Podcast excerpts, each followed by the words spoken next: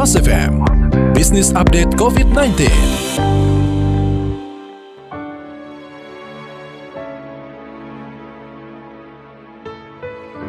Mitra bisnis COVID-19 memporak-porandakan tatanan bisnis yang ada.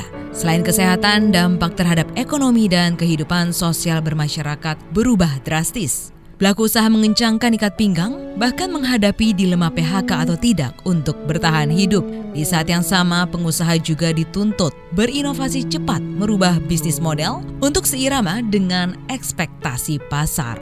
Untuk mengetahui lebih jauh soal ini, saya Anita Wijaya telah bersama Suteja Sidarta Darmono, Direktur Jababeka dalam PAS FM Business Update COVID-19.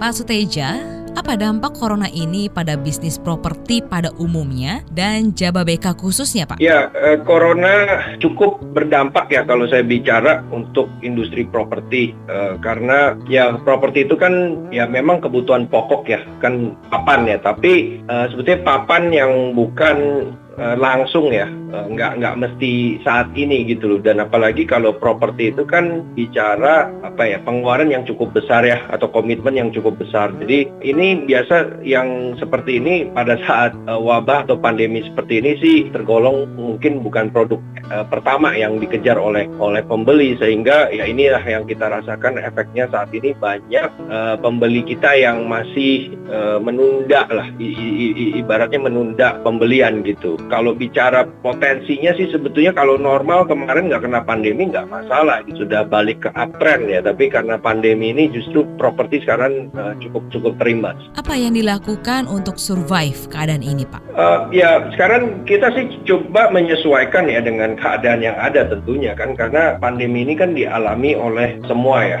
jadi kita harus nggak bisa menghindari gitu untuk persiapan uh, penyesuaian dengan keadaan. Nah salah satu yang uh, kita kita lakukan ya tentu uh, bagaimana untuk menjangkau uh, customer kita yang saat ini notabene-nya susah ya. Karena kita nggak bisa ketemu kan dengan pembatasan-pembatasan yang ada ini. Jadi kita harus bertransformasi dengan pendekatan-pendekatan baru, misal dengan online, dengan apa uh, video conferencing, ya. Kita juga banyak melakukan webinar, misalnya saat ini menjangkau konsumen, menjangkau agent, menjangkau relasi-relasi kita. Ya hanya guna untuk membangun hubungan, guna juga ya kalau memang ada yang mau beli ya kan? Ataupun kita juga harus memperkenalkan mungkin gimmick-gimmick tertentu yang sifatnya mungkin short term ya karena bahwa nggak ada yang tahu ini berapa lama gitu. Jadi mungkin seperti itu eh, pendekatan-pendekatan yang dilakukan banyak pemain properti saat ini saya pikir. Apa tips yang bisa diberikan ke pemain properti di masa pandemi ini Pak? Ya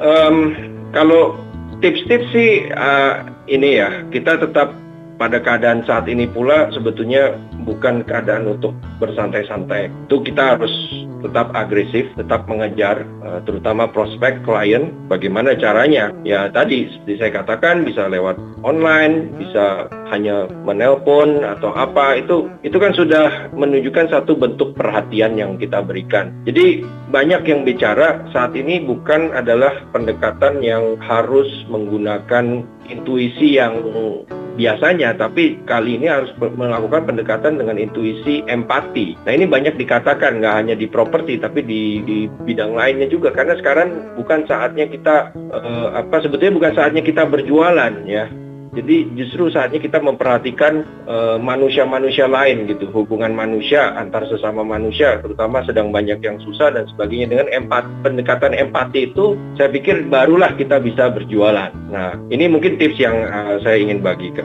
Dengan adanya corona ini telah terjadi the new normal ketika orang selalu bermasker, jaga jarak, meeting online, belanja online dan sebagainya.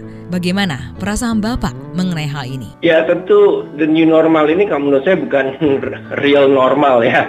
Karena ini kan pandemi wabah. Uh, apalagi dikatakan uh, mungkin statement yang terbaru dari Pak Presiden adalah berdamai, hidup berdamai dengan COVID-19.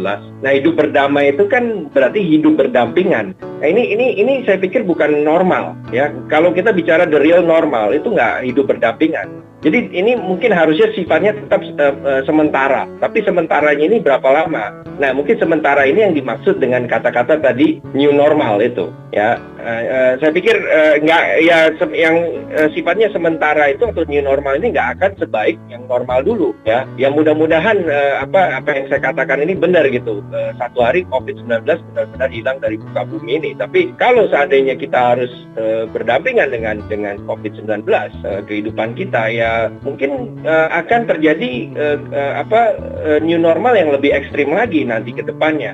Nah ini ini sebenarnya the new normal ini juga masih terus membentuk ya, terus uh, berevolusi masih.